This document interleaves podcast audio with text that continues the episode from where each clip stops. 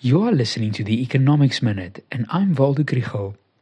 Last week, the Minister of Trade and Industry lifted anti dumping tariffs on imported chicken in order to reduce the price of imported chicken and to help consumers who were struggling with high food price inflation.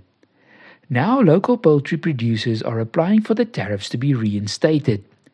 One thinks that the issue is as simple as does the minister want to help the industry or the consumer? But it's more complicated than that.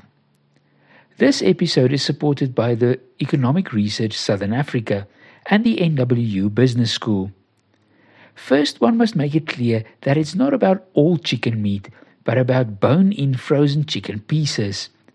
There's already a 60% tariff on those imports, and producers are now asking for an additional 30% anti dumping tariff to be reinstated. Yet, one has to add that the tariff is on the so called free on board price, and it's only approximately 35% of the retail price. This means that the additional tariff is not 30% on the price in the supermarket, but much less. Netwerk 24's headline on this asked, Would you pay 5% more for chicken if it protected jobs in South Africa?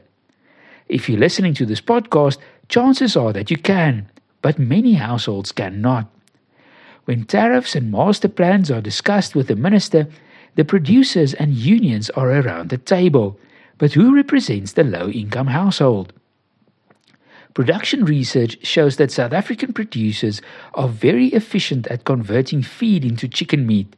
But all the other high costs of doing business in South Africa means that they struggle to compete. This is what the government should focus on instead water supply, good roads, law enforcement, reliable electricity supply, and less administrative red tape can mean much more for local production and job creation in the long term than any tariff can.